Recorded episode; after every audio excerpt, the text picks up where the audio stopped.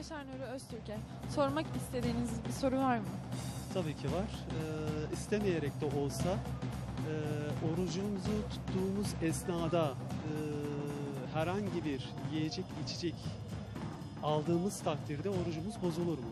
oruçla ilgili e, saat uzunluğundan bahsediliyor. Fazla oruç tutuyoruz deniyor. İşte dünyanın birçok yerinde de aslında çok fazla oruç tutulduğu söyleniyor.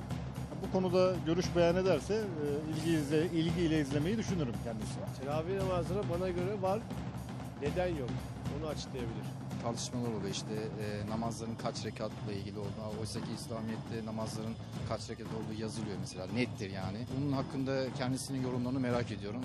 Özel günlerde kadınlar oruç tutabiliyor mu? Bunu kendisine sormak istiyorum. İngiltere'nin kuzey tarafında, Norveç tarafında 6 ay gündüz 6 ay gece oluyor. Ee, bizim kutsal kitabımızda inandığımıza göre e, akipliği kareplikten ayırtana kadar e, öyle bir zaman dilimi var. E, eğer oradakiler bu zaman dilimini neye göre uyguluyorlar? Valla deniz eee, beni zorluyor. Denize girme böyle sürekli bir hevesi falan. Acaba dedim hani şöyle bir bizi boğaza kadar falan bir en azından şey yapsak. Boğaza, havuz daha mantıklı. Havuza falan girsek acaba oruç ziyan olur mu? Ee, ben 15 yaşındayım. Şu an oruç tutuyorum. Kaç yaşından itibaren oruç tutabilirim? Şu an şart mı oruç tutmam? Bunu konuşalım. Hoş geldiniz. Yine bir cuma gecesi karşınızdayız sevgili izleyiciler. Bugün e, Ramazan ayı münasebetiyle biliyorsunuz e, Ramazan'a dair çok fazla soru var bilecek. Biz de bunları Türkiye'nin en çok yakından takip ettiği, en çok ilgisini çeken e, ve en tabii ki e, mutlaka en bilgili e, hocasına, ilahiyatçı denilince Türkiye'nin en çok ismini bildiği isme soracağız. Profesör Doktor Yaşar Nuri Öztürk konuğumuz. Hocam hoş geldiniz. Şimdi size tabii e, Ramazan'a dair sorular soracağım ama biliyorsunuz bugünün asıl meselesi sizsiniz. Sizle ilgili ortada dolaşan bir haber var. E, yoğun bakımdaymışsınız, komadaymışsınız diye. Yoğun bakımdan buraya geldiğiniz için önce teşekkür ediyorum. Candaşığım bir haftadır o. Ha öyle mi? Ben bugün gördüm. Ben 3-4 gün önce bir canlı yayında bir ekranda söyledim. Dedim ki yok ya ben tatildeydim. Bak program için buraya geldim. Tekrar döneceğim. Gene olmadı. Yani o deva- bizim yoğun bakım işi devam ediyor. Ben denize giriyorum akşama kadar denizdeyim. 15 gündür. Bu yanda yoğun bakım. Herhalde biriyle karıştırdılar veya biri nasıl bir şaka yapıyorsa Maşallah anlamadım. gayet iyi görünüyorsunuz. Bir sorun yok değil mi? Her şey yolunda. Ya yok alakası Oh, yok. Allah şifa versin. Daha da iyi etsin inşallah diyelim. Sorulara geçelim. Şimdi en çok insanların sorduğu soru bu Ramazan'da böyle bir imsakiyelerle ilgili imsakiyeyle ilgili bir tartışma var. Var- Ya- Geçen sene de vardı. bu sene ama bir, bayağı alevlendi. Evet. İnsanlar fazla mı oruç tutuyorlar hocam? Bana göre de öyle. Öyle mi? Şimdi bu işi ilk defa bu meseleyi gündem yapan e, benim neslimin hepimizin hocası sayılan Profesör Hüseyin Atay Evet. olmuştur. 30 yıl kadar önce ben o zaman tercümanda Ramazan sayfaları yapıyordum. Orada hoca bunları konuştu, gündeme getirdi. Sonra 80'den itibaren Hürriyet'e geçtim ben. Hürriyet'te de 2-3 defa hoca bunu gündem yaptı. Diyanet kısmen ilgilendi fakat bir türlü geleneği e, rencide etmeyi göze alamadı Diyanet. Diyanet bunun böyle olduğunu biliyor. Yani Diyanet'in en önemli, en güvenilir insanları da bunu itiraf ediyorlar, ettiler. Fakat e, gelenek böyle. Nedir o gelenek? Gelenek fazla oruç tutturuyor. Yani ihtiyat payı dedikleri. Yani getirip tam ucuna dayatma, orucun tehlikeye girer. Yaya aç kalırsın, aç oruç tutarsın falan. Onun için ihtiyat payı rahat rahat olsun diye önce ihtiyat payı dediğiniz bir buçuk saat olmaz ki. O kadar bir fark var mı? Var tabi. Süleyman Ateş'in okudum bir açıklamasını. Güneşin doğuşuna bir saat kalana kadar yenir diyor. Ee, Hüseyin Atay Hoca'ya kadar. Hüseyin Atay Hoca'ya sorarsanız yarım saat kalana kadar. Ee, hadi bırakın yarım saati de yani iki saat kalana kadar. iki saat önceden de kestirilmez ya gecenin yarısında. Burada başka bir sıkıntı daha var. Onu da e, Abdülaziz Bayındır Hoca gündeme getirdi. Geçen hafta buradaydı. Çok haklı olarak. Şimdi bu şekilde tutturulan oruç sabah namazlarını kılınmamış hale getiriyor. Bakın çok enteresan. Nasıl yani? Nasıl yani? Namaz vakte bağlı bir ibadettir. Şimdi namaz vaktinde kılınacak. Vakti çok geniş olan namazlar var. Çok dar olan akşam namazı gibi böyle çok kısa 5-10 dakikayı geçmeyen vakte e, bağlı olan namazlar var. Şimdi siz bugünkü imsakiyeye göre değil mi? Ezanı okudu mu müezzin Bitti. bitiyor. Bu ne demektir? Bu aynı zamanda teorik olarak artık ey Müslüman sabah namazını kılabilirsin. Kılabilirsin. Gece bitti. Gecenin bitişi demek bu. Kılıyor adam. Halbuki sabah namazının vakti girmemiş. Şimdi sabah namazının vaktiyle ilgili verileri tetkik ettiğiniz zaman oradan çıkıyor zaten. Nedir o verileri bize anlatır mısınız biraz? Verileri neyini anlatacağım size? Yani tabii hadise onları takvimciler size anlatır. Ama Hazreti Peygamber'in kıldığı sabah namazının vakti bu değildir. Dolayısıyla sabah namazları kılınmamış oluyor. Yani tatavuan namaz kılmış oluyor adam. Sabah namazı kılınmamış oluyor. Şimdi Abdülaziz Hoca haklı olarak bunu da gündem yaptı. Ee, o halde Diyanet'in bu işe bir el koyması, düzeltmesi lazım. Çünkü vatandaş Diyanet'in takvimine bakar, bakması lazım. Biz de herkese öyle diyoruz. Böyle bir karmaşa olmasın. Olmasın da canım ortada şimdi Hüseyin Atay Hoca bunu 30 yıl önce söylemiş. Hüseyin Atay Hoca e söylediyse söyledi onun fikridir denecek bir adam mı? Niçin desin? Yani niye? Hüseyin Atay Hoca bunu o zaman takvim uzmanlarıyla birkaç profesörle gündem yaptı, yayın yaptı, bir kitapçık çıkardı bu konuda, Diyaneti uyardı, Diyanete etkili insan, Diyanette şu kadar öğrencisi çalışan bir insan. Ee, şimdi hoca bunu söyle, hoca oruç, oruç ve namaz meselesinde ilahiyatçıların en titizlerinden biri kazaya namaz bırakmamış ve adam sahibi tertip bir adam Hüseyin Atay Hoca. Bunu kılı kırk yaracak şekilde tetkik etmiş ve öyle söylemiştir. Bugün söylenenler hocanın söylediklerinin bir tekrarıdır. Ee, Yani söylenecek olan şu. Bir şey soracağım. Diyanet işlerinden bu konudaki bütün eleştirilere, yorumlara, gelen itirazlara yani çok e, sert, benim bence sert e, cevaplar geliyor. Bunun doğru olmadığını söylüyorlar. Ya bu inat, bu ısrar neden peki? Yani Diyanet hangi bilgiye göre? Burada bir tane kitabımız var, Kur'an-ı Kerim. Herkes ona bakarak konuşmuyor mu hocam? Şimdi Diyanet geleneğe göre konuşuyor. Ve bunu itiraf ediyorlar. Hiç başka türlü konuşmasınlar. En güvenilir arkadaşlarımız geçen sene bu teravihle ilgili meselede e, benim yaptığım bir programa katıldı ve dedi ki e, sizin dediğiniz aynen doğrudur. Bunun aksini söylemek mümkün değil. Gayet tabii doğrudur. Yani biz durup dururken başımıza dert mi arıyoruz? Müslümana sıkıntı vermenin peşinde miyiz? Ya yanlış. Vakte bağlı bir ibadettir diyor Kur'an namazdan bahsederken kitabı mevkut diyor. Vakte bağlılığı tescil edilmiş bir ibadettir. Sen milletin nama- sabah namazını vakitsiz kılmış ve böylece kılmamış duruma düşürüyorsun. Ve karşında Atay gibi bir Üstad İslam aleminin bugün yaşayan en büyük ilahiyatçısı bana göre. Öbür tarafta fıkıh profesörü bir insan Abdülaziz Bayındır ve emsali. Hani ben deyince sen felsefe profesörüsün, bırak fıkıhçılar desin diyorlar. Benim esas işim fıkıhtır. Ben çünkü 20 yıl medrese sistemiyle babamdan başlayarak fıkıh eğitimi gördüm. Ben fıkıh kaynaklarını tasavvuf kaynaklarından çok daha iyi bilirim. Onu da bu arada söylemiş olayım.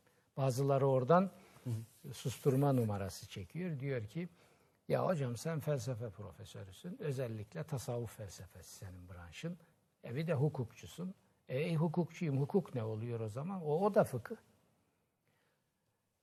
Dolayısıyla e, hiçbirimiz ne durup dururken e, kendisini dedikoduya maruz bırakır ne de e, dinin rahatsız olacağı ve bizi de hesaba çekeceği bir tavır içine girer.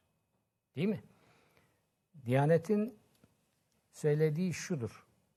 Saim Hoca bunu ifade etmiştir. Oranın en saygın insanlarından Saim. Yeprem. Profesör Saim Yeprem. Aynen böyle söyledi canlı yayında. Dedi bunlar doğru. Fakat biz dedi yüzlerce yıl devam etmiş bir geleneği dedi. Nasıl dedi kaldırıp atacağız şimdi? Bu dedi böyle kolay bir iş değil. E bitti. Bitti. Tabii bu söyleniyor. Yalnız bu çok tehlikeli bir söylemdir.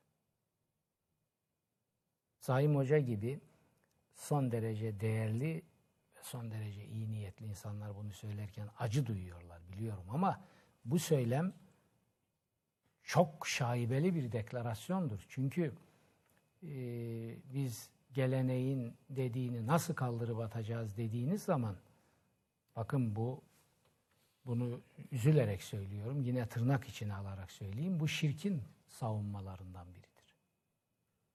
Böyle gördük, böyle gider. Atalarımızdan böyle gördük diyor şirk. Yüz küsur ayet var Kur'an'da. Onun için Diyanet her konuda bu savunmayı yapmıştır. Her konuda.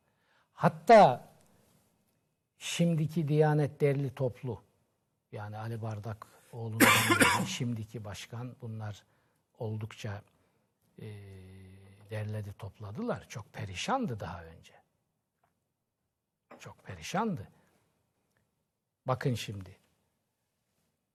Yıllar önce biliyorsunuz namazlar üç vakitte cem edilebilir dedik. Yani bundan daha normal söylenebilecek hiçbir şey olamaz. Hatta söylenmesi gereken hiçbir şey olamaz. Ve Diyanet buna karşı çıktı. O zaman sarı, beyaz, ruhu katran gibi bir adam vardı Diyanet'in başında. Her yol mubah filan derdiler adına. Böyle bir lakabı da vardı onun. Her neyse maalesef Diyanet'in en uzun süreli başkanlığını yapmış olmakla da maruftur. Şimdi Diyanet Buhari'yi yayınlamıştır. Buhari'yi tercüme ve şerhini.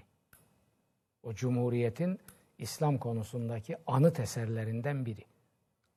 Atatürk'ün ve meclisin iradesiyle çıkarılan Elmalı Hamdi tefsiri var. Biliyorsunuz. Aşılmamış. Bak, Cumhuriyet'in aşılmamışlarının liste başlarında Elmalı tefsiri var. Bugün sadeleştirme adı altında satıp satıp paraya tahvil ediyorlar. O sadeleştirmelerin hiçbirisi de güvenilir değildir. Onu da söyleyeyim. En güvenilir tefsir şey, meal, tefsir, Elmalılı Hamdi Efendi'nin filan tamam amenna. Bu sadeleştirmeler mi o? Orijinal Diyanet tarafından 1935-36'da yayınlanmış olandır o. Sadeleştirmeler herkesin kendine göre yaptığı Elmalı'nın isminde kullandığı kitaplardır. Hiçbirisi güvenilir değildir.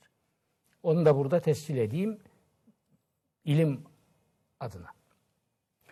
Şimdi Elmalı tefsiri bir numaralı anıt. Hala aşılmamış. Bağırıp duruyorlar işte hepimiz. Falan şöyle oldu böyle oldu 30 ilahiyat fakültesi bilmem ne. Hala Elmalı Hamdi'nin tefsirinin yerine koyacak bir şey üretememiştir. Atatürk sonrası zaman. İkincisi o da anıt. O da hadis alanında anıt. Buhari muhtasarı, tercüme ve şerhi 12 cilt. Ahmet Naim başlamış. ikinci ciltte namazını kılarken rahmete kavuşuyor. Mübarek bir insan. Oradan alıyor Kamil Miras Profesör ki o da bir otorite. Devam ediyor ve bitiriyor. O da meclisin iradesi ve Atatürk'ün direktifiyle yayınlanmış. iki anıt eser. Şimdi bunları Diyanet yayınlamış. Buhari Diyanet'in yayını. Buhari'de namazların cemine ilişkin bütün bilgiler var. Hazreti Peygamber bunu niçin ve nasıl uyguladı? Hepsi var. Kütüb-i Sitte'nin tümünde var ama Buhari'de de var. Buhari, Buhari diyorlar değil mi? Buhari'de de var. Onu yayınlamış. Bu yandan bir başkası çıkıp da bu var ey ümmeti Muhammed bundan hine hacette zaruret görürsen istifade edersin dedim. Vay namazları üçe indiriyor. Diyanet bunları yaptı. Bugünkü Diyanet değil. Ama kurum olarak Diyanet. Madem ki devam vardır kurumlarda Diyanet bunları yaptı. Şimdi izleyicilerimizden şöyle bir soru, yani Evet. şu soru çok geliyor. Şimdi de bu benzerini yapıyor Candaş'cığım. Şunu sözümü bitireyim. Buyurun.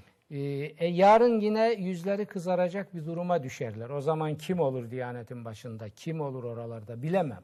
Ama kurum olarak bu şaibeyi e, üzerlerinden atmaları lazım. Ya bu kadar yıldır atılmadığına göre ben pek atılacağını zannetmiyorum. Bilemem. Ya daha neler var öyle. Durun şunu bir size... Hac, hac ibadeti Kur'an'ın ahkamına aykırı yapılıyor. Nasıl yani? Hiç dinlemedin mi sen? Ben bunu yıllardır söylüyorum. Haccı Kur'an-ı Kerim üç aya yaymış. Açık. Ve eşhurul hac diye Arap dilinde bir tabir var. Hac ayları. Ve Kur'an-ı Kerim el haccu eşhurun ma'lumat diyor. Hac bilinen aylardadır. Çoğul kullanmış.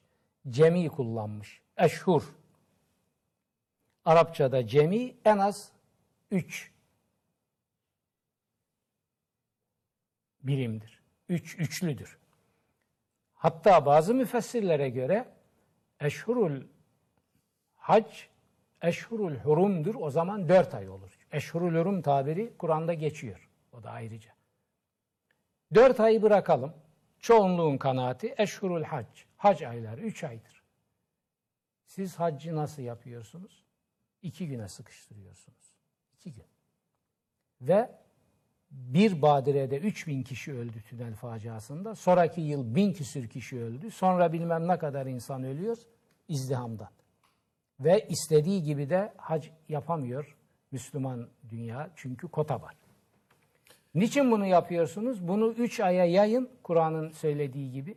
Efendim peygamberimiz o günlerde yaptı. Ya kardeşim aklını başına topla ağzından çıkanı kulağın duysun.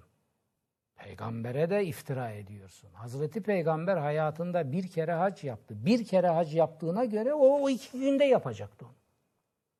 Ama ben bunu böyle yapıyorum. Sakın siz Kur'an'ın dediğine haşa bakmayın. Bakara suresi 190 e, küsür veya 201, 202. Onlara bakmayın. Aynen bu günlerde yapacaksınız. Efendim Arafat'a çıkılacak. O gün Arafat. Arafat'a çıkılması için gün mü koyuyor Kur'an-ı Kerim? Arafat'ta vakfı evet haccın şartlarından. Gün mü koyuyor? Ve Arafat tabiri çoğul kullanılmıştır. Ben kitabımda bunların ayrıntılarını verdim. Kur'an mucize bir kelamdır. Niye Arafa'yı Arafat diye çoğul kullanıyor? Çünkü haccı o üç ay içinde hangi günlerde yaparsan senin Arafen de o gün tayin edecektir. Kur'an'ı adam gibi okumak lazım. Kur'an'ı Kur'an'ın istediği gibi okumak lazım. Bunu ya okuyamıyorsunuz yahut okuyorsunuz ama inat ediyorsunuz birileri sizin hakkınızda dedikodu yapmasın diye. Biraz önce Bakara suresinden bahsettiniz. İzleyicilerimiz de bunu soruyor. Özellikle bu e, savur saatiyle ilgili e, Bakara suresinden ayetlerle referanslar veriliyor ve e, işte bu siyah iplikle beyaz ipliğin ayırt edebildiği an diye bir referans konmuş. Siz onu bilir misiniz? Eğer onu sahabenin uygulamasına, mesela Hazreti Ebu Bekir'in uygulamasını, o siyah iplik veya yetebeyyene lehumul haytul ebyad minel haytul esved. Mecazi değil, asli manada alanlarda olmuştur. Oraya gidersen, hani biz diyoruz bir saat, yarım saat filan kalana kadar güneşin doğuşuna. 20 dakika kalana kadar bile yersin. Nedir hocam o ayet tam olarak? Onu bir anlatır mısınız bize? Şimdi diyor ki oruç işte Ramazan ayı boyuncadır. Şu şu şu mazeretleri olanlar kazaya bırakır.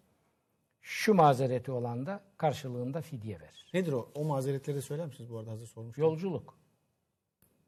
Kadınlar için iddet hali. Bir şey pardon adet hali. Tabi adet hali sordu izleyicinin biri. Adet hali kadına oruç tutmama ruhsatı verir. Sonra gününe gün tutar. Ya kaza etme. Evet. Anladım. Zaten orucun kefareti falan olmaz. Öyle mi? İsterse kadın o halinde adet halindeyken orucunu da tutar, namazını da kılar.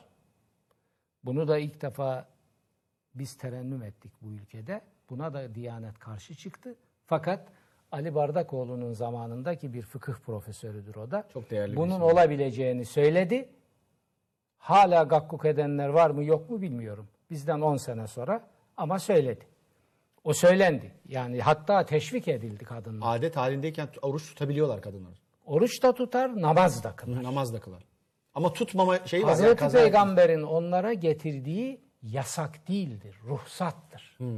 Diyor ki sahabi, kadınlar o halle o zamanda pet yok, o yok, bu yok. Geliyorlar camiye. Ayaklarının üstüne kan akardı.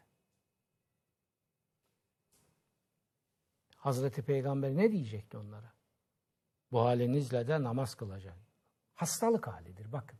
Kur'an bunu vermiş. Hastalık hali. Hastalık haline ait hükümler ona da uygulanır. Kadın isterse o günlerde orucunu tutmaz ve orucunu sonra kaç gün yemişse kaza eder. Tamam mı? Candaş. Ee, bu şey- Namazlarını isterse kılmaz, namazın kazası Kur'an'da düzenlenmediği için namazlarını kaza etmez. Onlar Allah ona bağışlar.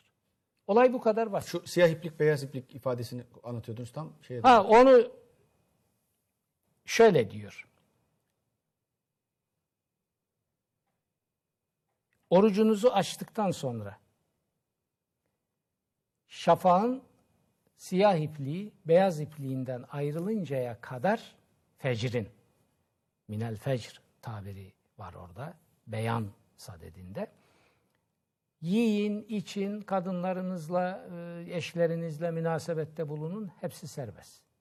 Orada geçiyor bu tabir. Hatta yetebeyyene lekümül haytul ebyadu minel haytul esfedi minel fecr. Fecrin siyah ipliği, beyaz ipliğinden ayrılıncaya kadar. Sahabenin bazısı bunu fecrin mecrin manasında mecazi almamış. Doğrudan siyah iplikle beyaz ipliği almış. Bunlar net biçimde birbirinden ayrılıyor mu? Bakmış ve orucunu ona göre açmıştır. Bunlardan biri de Hazreti Ebu Bekir'dir. Yani böyle gün ışığına bakıp yani gün ışığına derken havaya bakıp Yani siyahla evet, beyaz ayrı. evet. Hatta bir rivayet gördüm.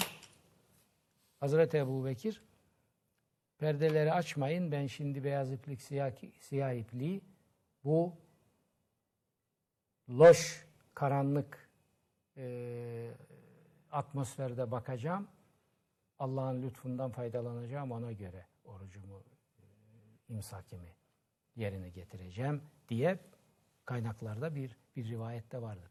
Yani bu sonradan dinde tabiri caizse dinde Abdurrahman Çelebilik yaparak sanki Allah ve peygamber bir şeyleri eksik bırakmış bunlar tamamlıyor.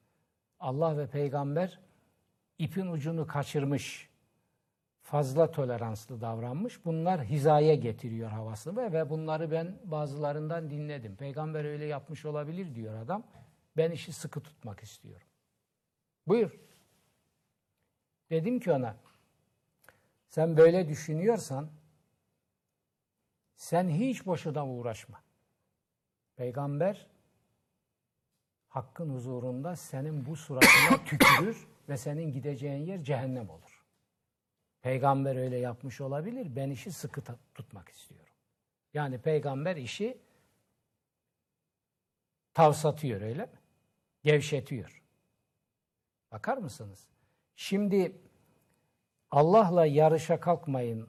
Yarışırsanız din sizi yere serer diyor Hazreti Peygamber. Bunlar Allah'la yarışanlardır. Size Nesibe Hanım'ın bir sorusu var. Diyor ki abdesti bozan şeyler, durumlar belliyken nasıl bayanlar adet halinde namaz kılabiliyor anlayamadım diyor. Hayır adet halinden abdestini alacak. O abdestini, onun fıkıhta çözümü var. O hanımefendi bunları bilmediği için gayet tabii olarak şaşırdı şimdi. Hastalık hali olduğuna göre mazeret hali demektir. Sahibi özür nasıl kılar namazını? Mesela basuru olsa bir adamın ve bu, burada şimdi şer'i bir mesele konuşuyoruz. Ayıp olmayacaktır. Takdir eder herkes. Makatından kan aksa. Nasıl kılacak namazını? Pis kan akıyor makatından. Sahibi özür. Her namaz için bir abdest alacak. Başka bir şeyden namazı, abdesti bozulsa da bozulmasa da o abdesti alacak. Ve onunla istediği kadar bir vak vakitten öbür vakte kadar istediği kadar namaz kılar.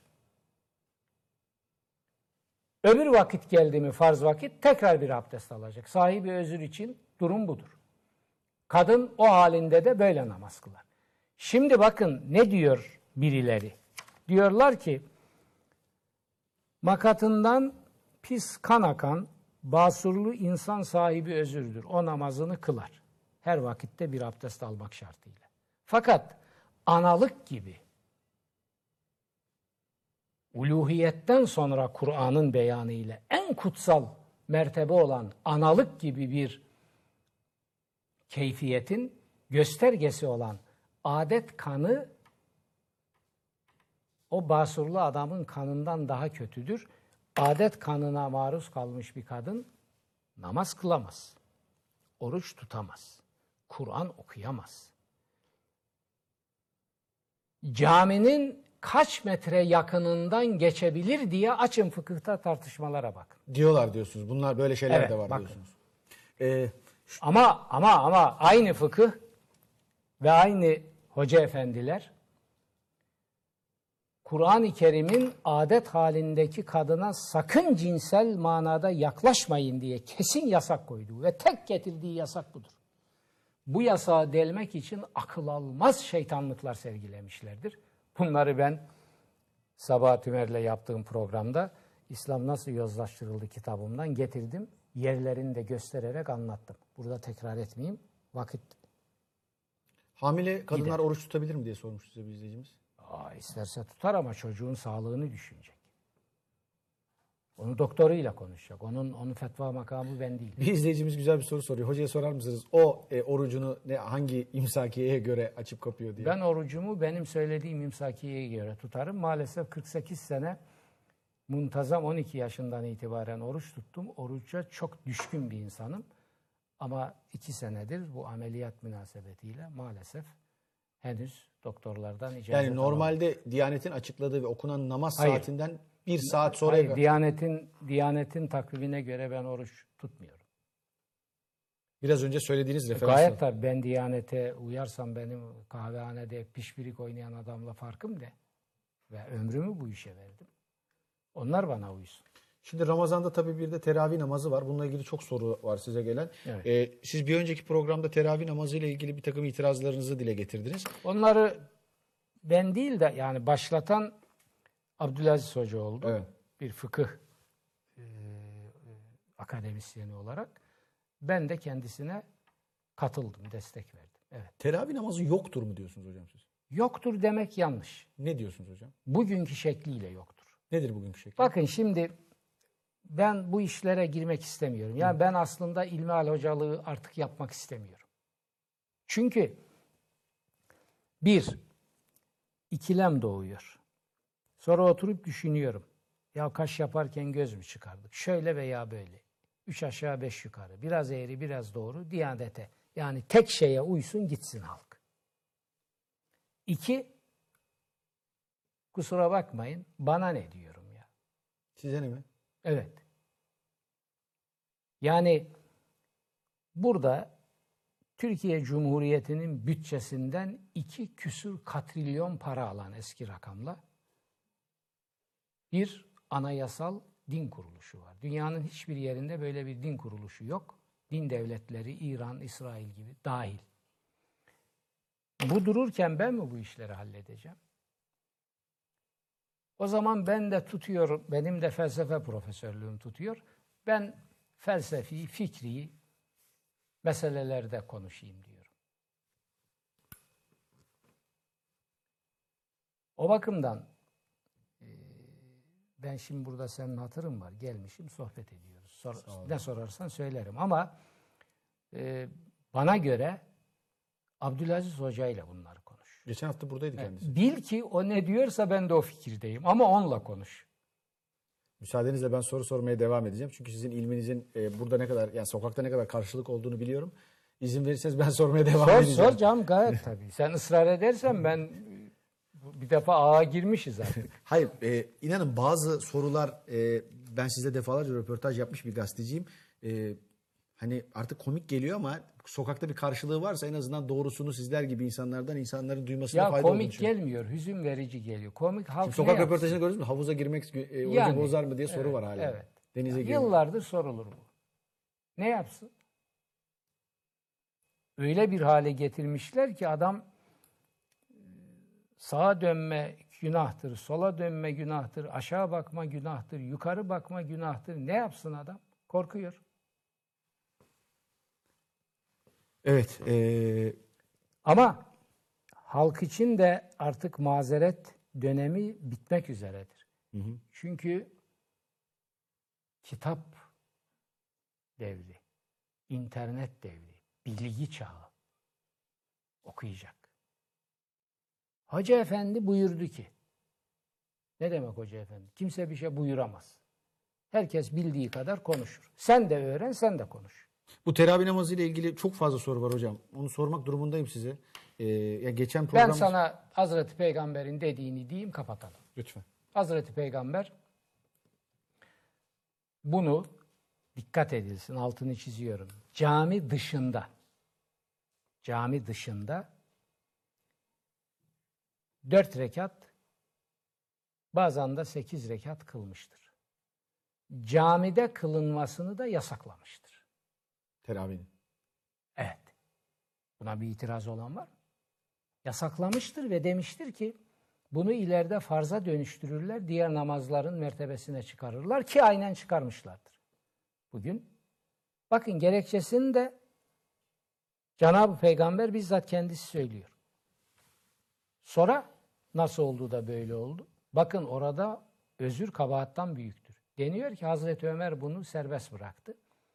Dedi ki bu bid'attır. Evet peygamberimizin sünnetinde yok ama güzel bir bid'attır. Ben Ömer'in böyle bir şey yaptığını asla kabul etmiyorum. Çünkü Ömer'in bütün dehası, fıkhi dehası, zihniyeti, celadeti, tavrı, tarzı ben Ömer'i en iyi tetkik eden adamlardan biriyim. Böyle bir sözü söylemesine imkan vermez. Peygambere yalan isnat edenler binlerce hem de. Ömer'e niye yalan isnat etmesin? Şimdi ya Kur'an'a bakacaksınız o zaman teravih diye bir namaz yok. İsteyen istediği kadar tatavuan namaz kılar öne açıktır. Eğer sünnete bakacaksanız o zaman Hazreti Peygamber'in dediği budur. 20 rekat hiç kılamazsınız. Camiye de sokamazsınız. E biz şimdi camide namaz kıldık ya sen ne, namaz kılınmaz mı camide? Şimdi öyle bir şey diyor ki adam. Bu aforozun çok şeytani bir şeklidir. Ya camide namaz kılmamızdan rahatsız mı oluyorsun? Adama bakar mısın? Hem soruyor hem de böyle diyor. Ben niye rahatsız olayım ya? Sorma cevap vermeyeyim. Ben seni gelip yakandan tutup da çık buradan kılma mı dedim. Ama soruyorsun cevap veriyorum. Sormuyorsan sorma. Nereye gidiyorsan gideceğin yere kadar yolun var. Ama sorarsan ben senin keyfine göre veya geleneğin keyfine göre cevap veremem. Gerçeği budur iş. E kılsak ne olur? Hiçbir şey olmaz canım işte kıl. Bin senedir kılıyorlar. Ne olduğu ortada. Buyur devam et. Ee, siz hatırlıyor musunuz? Geçen programda demiştiniz ki Milli Piyango berbat bir kumarbazlık örneğidir demiştiniz. Hiç hiçbir tereddüdüm yok ve değiştirmedim. Milli piyango kumardır. Şimdi bir izleyicimiz diyor ki Milli kumar yani milli kumardır. Milli olunca kumar olmuyorsa bilemem. bir izleyicimiz diyor ki oruçluyken Milli Piyango bileti almak kumar oynamak değil midir? dal- dalga geçiyor. Oruçsuz aldığı zaman ne oluyor? Zaten öyledir de. Dolayısıyla bu orucu bozan bir faaliyet olmuyor mu? Hanım git şuradan ne alakası var? Şimdi böyle bu bunlar işte bu benim Antalya'da denize girerken şeye gönderildiğim gibi yoğun bakıma bunlar maytap sorular. Sen de bunları ciddiye alma. Hayır ama ben çok mantıksız bulmadım. Yani Hayır, kumar çok oynamak man- değil midir bu sonuçta? Çok mantıksız. Hayır, oruçluyken kumar oynamaktır o zaman. bu. Oruç, kumar oynadın mı orucun bozulur mu? Kumarın cezasını verir Allah sana. Orucun da oruçtur. Ne alakası var bunun ya? Yani çaldığın bir ekmeği yedin mi karnın doymuyor mu? Doyuyor sonra cezanı çekeceksin. Hayır ama yani ekmek yedim karnım doymasın mı? Böyle bir saçmalık olur bu.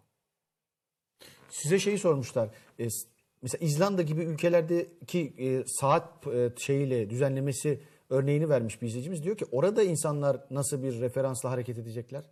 Oruç açarken. Şu 6 ay gündüz 6 ay gece. Evet, evet. Efendim bunu Muhammed Hamidullah bu yüzyılın en büyük asr saadet araştırmacısı ve fakihlerinden biri. Çözmüş. Zaten eski kaynaklarda da var. Onlar ne yapacaklar? Ya kendilerine yakın vakitlerin tayin ettiği bir bölgeyi esas alıp ona kıyasla saat tutarak ibadetlerini yapacaklar. Tamam mı? Yahut da onu diyen fakihler de var. Ee, Vakit doğmadığı için, vakti doğmadığı için o ibadet de orada vücub ifade etmez. Yani namaz vakte bağlı kitabı mevkut bir ibadettir diyor Kur'an. E, 6 ay gündüz olan bir yerde akşam namazını, yatsıyı, sabahı nasıl kılacaksın? Doğmuyor vakti. Ha o zaman ne devreye girer biliyor musunuz? Evrensel bir dinde ikame değerler var. Allah'a ibadet sadece namazdan, oruçtan ibaret değil. Başka ibadetler yaparsın. Yahut o vakitlerin doğduğu bitişik coğrafyalardan birini esas alır, saat tutarak ona uyup ibadetlerini yaparsın. Çözüm var. Ee, bir izleyicimiz diyor ki bu işte bu fala bakma falan meseleleri gaybe dair konuşmak değil midir ve günah değil midir diyor soruyor. Falcılık tabii ki İslam'ın e, İşte kahve falan bir sürü saymış. burada. efendim onaylamadığı bir şey. Kahve maytap olsun diye açtırırsın kahve içtin mi. Hele çok kafa dengi, geyik yapacağın bir arkadaşın varsa ve özellikle hanımsa söylersin. Bak şuna filan. Bakar. Ama İslamiyet bunları onaylamaz. İnsan hayatını böyle fala mala bağlamak İslam'ın nefret ettiği bir şeydir. Falmal tabii. Doğru değil. E, kişilerin adlarına izafe edilen camilerde namaz kılmak caiz değildir demiş. Hoca, bu hocamıza ait bir söz Ben diye diyorum. soruyor. Ben dedim. Ben ilk, ilk defa ve son defa ben dedim ve aynen tekrar ediyorum. Kişi ismi ne olursa olsun diyor. Hayır. Ha, camiyi yapan mesela Sina'nın ismini camiye verirsin. O ayrı bir iş. Nasıl yani? O eseri üretmiştir. Evet. Ama para vermiş caminin yapımı için bu adamın adını verdim mi veya neyse benzeri bir aracılık yapmış. O, o camide e, Kur'an'ın beyanlarına göre ibadet caiz değildir. Fasittir namazlar. Bunu ben söylüyorum ve bunu savunmaya ve ispata da hazırım. Tövbenin yeri dinimizde nedir diye bir sürü soru var. Ee, genel olarak soruyu ben size böyle söyleyeyim. Özel örneklerle sormuş izleyicilerimiz. Tövbe hayatın hayatın en dinamik kanunlarından, en itici güçlerinden, en erdirici e, güçlerinden biridir. Tövbe kişinin noksanını fark ve itiraf etmesidir. Tövbenin güzelliği ve özelliği de burada. Bunu Cenab-ı Hakk'a karşı itiraf ederse Cenab-ı Hak da onu affeder. Kur'an-ı Kerim'de tövbe e, yani böyle sormuş o yüzden. Çok yani. geniş yer alır. Tövbe ritüeli Allah'ın soruyorlar. Yani bir namaz biri kılmak, de- tövbe namazı Allah'ın isimlerinden biri de Tevvap'tır. Tevbeleri çok çok kabul eden demek. Dikkat edin. Ve bu geçiyor Kur'an-ı Kerim'de defalarca. Tabi Allah'ın Gaffar, Gafur, affedici e, isimleri de var. Hepsi tövbenin büyük yerine işaret eder. E, o bakımdan e, tevbe hakikaten çok hayati bir kavramdır. Noksanını itiraf kurumudur. Noksanını itiraf etmeyen zaten ne Müslüman olabilir ne de adam olabilir. Hazreti Peygamber ne diyor biliyor musunuz? Ben günde bazen 70 defa istiğfar ederim. Yani tövbe ederim. Bu ne demek? Tasavvufta bu makes bulmuştur. Denir ki o kadar süratle yükseliyordu ki Hazreti Peygamber ruh, ruhani alemde veya tekamülünde. Her anı bir önceki anına göre baktığında bir önceki anını noksan görüyordu. Ve ondan tövbe ediyordu. Eksiğini görüyordu. Tövbe eder bir arkadaşım tövbe ile e, ilgili iki rekat namaz kılmalısın tövbe ettikten Tövbe sonra namazı dedi. Kur'an-ı. Kerim'de böyle bir ayet Öyle bir şey göremedim. Hocama Öyle sorar şey mısınız yok. diyor. Tövbe namazı falan diye bir şey yok. Ya namaz namazdır. Ya, Tö- tövbe. herhangi bir dua, herhangi bir şey Hayır efendim. Tövbe suç işlemişse suçunu itiraf edecek. Tabi Allah'a karşı işlediği suçlarda tövbe geçerli. İnsan hukukunu çiğnemişse bunun tövbesi yok. Onu ödeyeceksin gidip. Yani çal, çırp, çal, çırp. Geçenlerde bir tane e, ben o tabiri kullandım. Burada da kullanacağım. Çünkü başka şey ifade etmez onu. Kendimi ayıplarım. Namussuzun biri diyor ki rüşvet haramdır tamam ama eğer rüşvet alan namaz kılıyorsa alabilir. Ne oldu şimdi bu? Hı? Ne oldu? komik oldu biraz. Bir ayıp oldu. Onun için tevbe kulaklarında söz konusu değildir. Tevbe kelimesi Cenab-ı Hak'la yaratıcıyla yaratılan bizler arasında işleyen bir sistem, bir mekanizmadır. Seninle benim aramda tevbe işlemez. Ödeme işler. Öder helallık alırsın. Helallık da kelimeyle olmaz.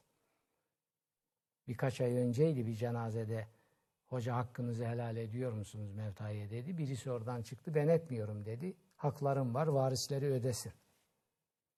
Vay sen nasıl böyle dersin adam dişli bir adammış demek. Herifin üstüne çullandı başladılar pataklamaya. Bu mu? Yani geleneksel dinin helallik alma dediği bu, bu mudur helallik alma? Bu dine de iftiradır, Allah'a da iftiradır, insana da hakarettir. Kul hakkı söz konusuysa insan hakkı yani insan hakkı. Onu ödeyeceksin.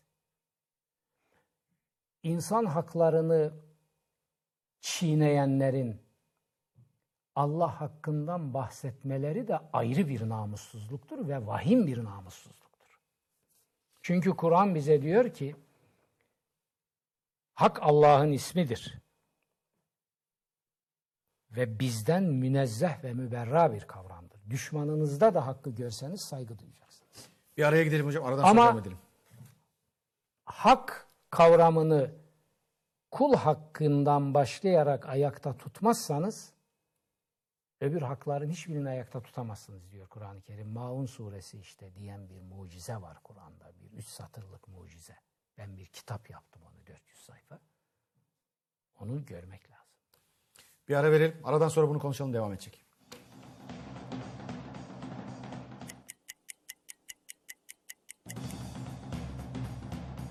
Bütün boşanmalarda boşanma kararını kadın veriyor. Bir arabalarım için para harcıyorum çünkü böyle çok hobisi olan bir insan değilim.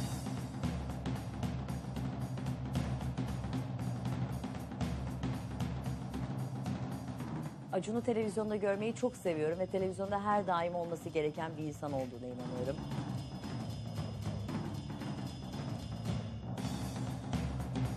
Parayı şöyle emlak alayım, şunlara yatırayım falan filan diye bir konsantrasyonum yok. Genelde zaten araba alıyorum, işte uçak alıyorum.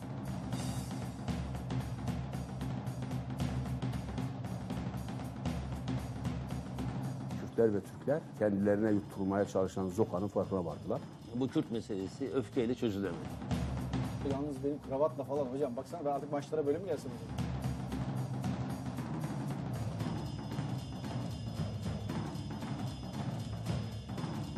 Anadolu, Anadolu bir bütün. Bir orkestra.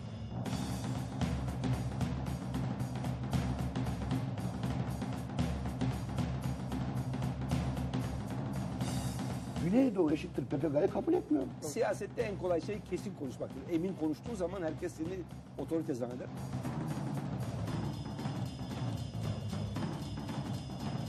Benim başarısız olma lüksüm yok teknik direktörlükte. Sivas şehriyle Trabzon şehrini karşı karşıya götürmek Aziz Yıldırım'ın haddi değildir. Mizahi şeylerde en ufak bir sıkıştırma ve bütün eğlenceyi alıp götürebiliyor.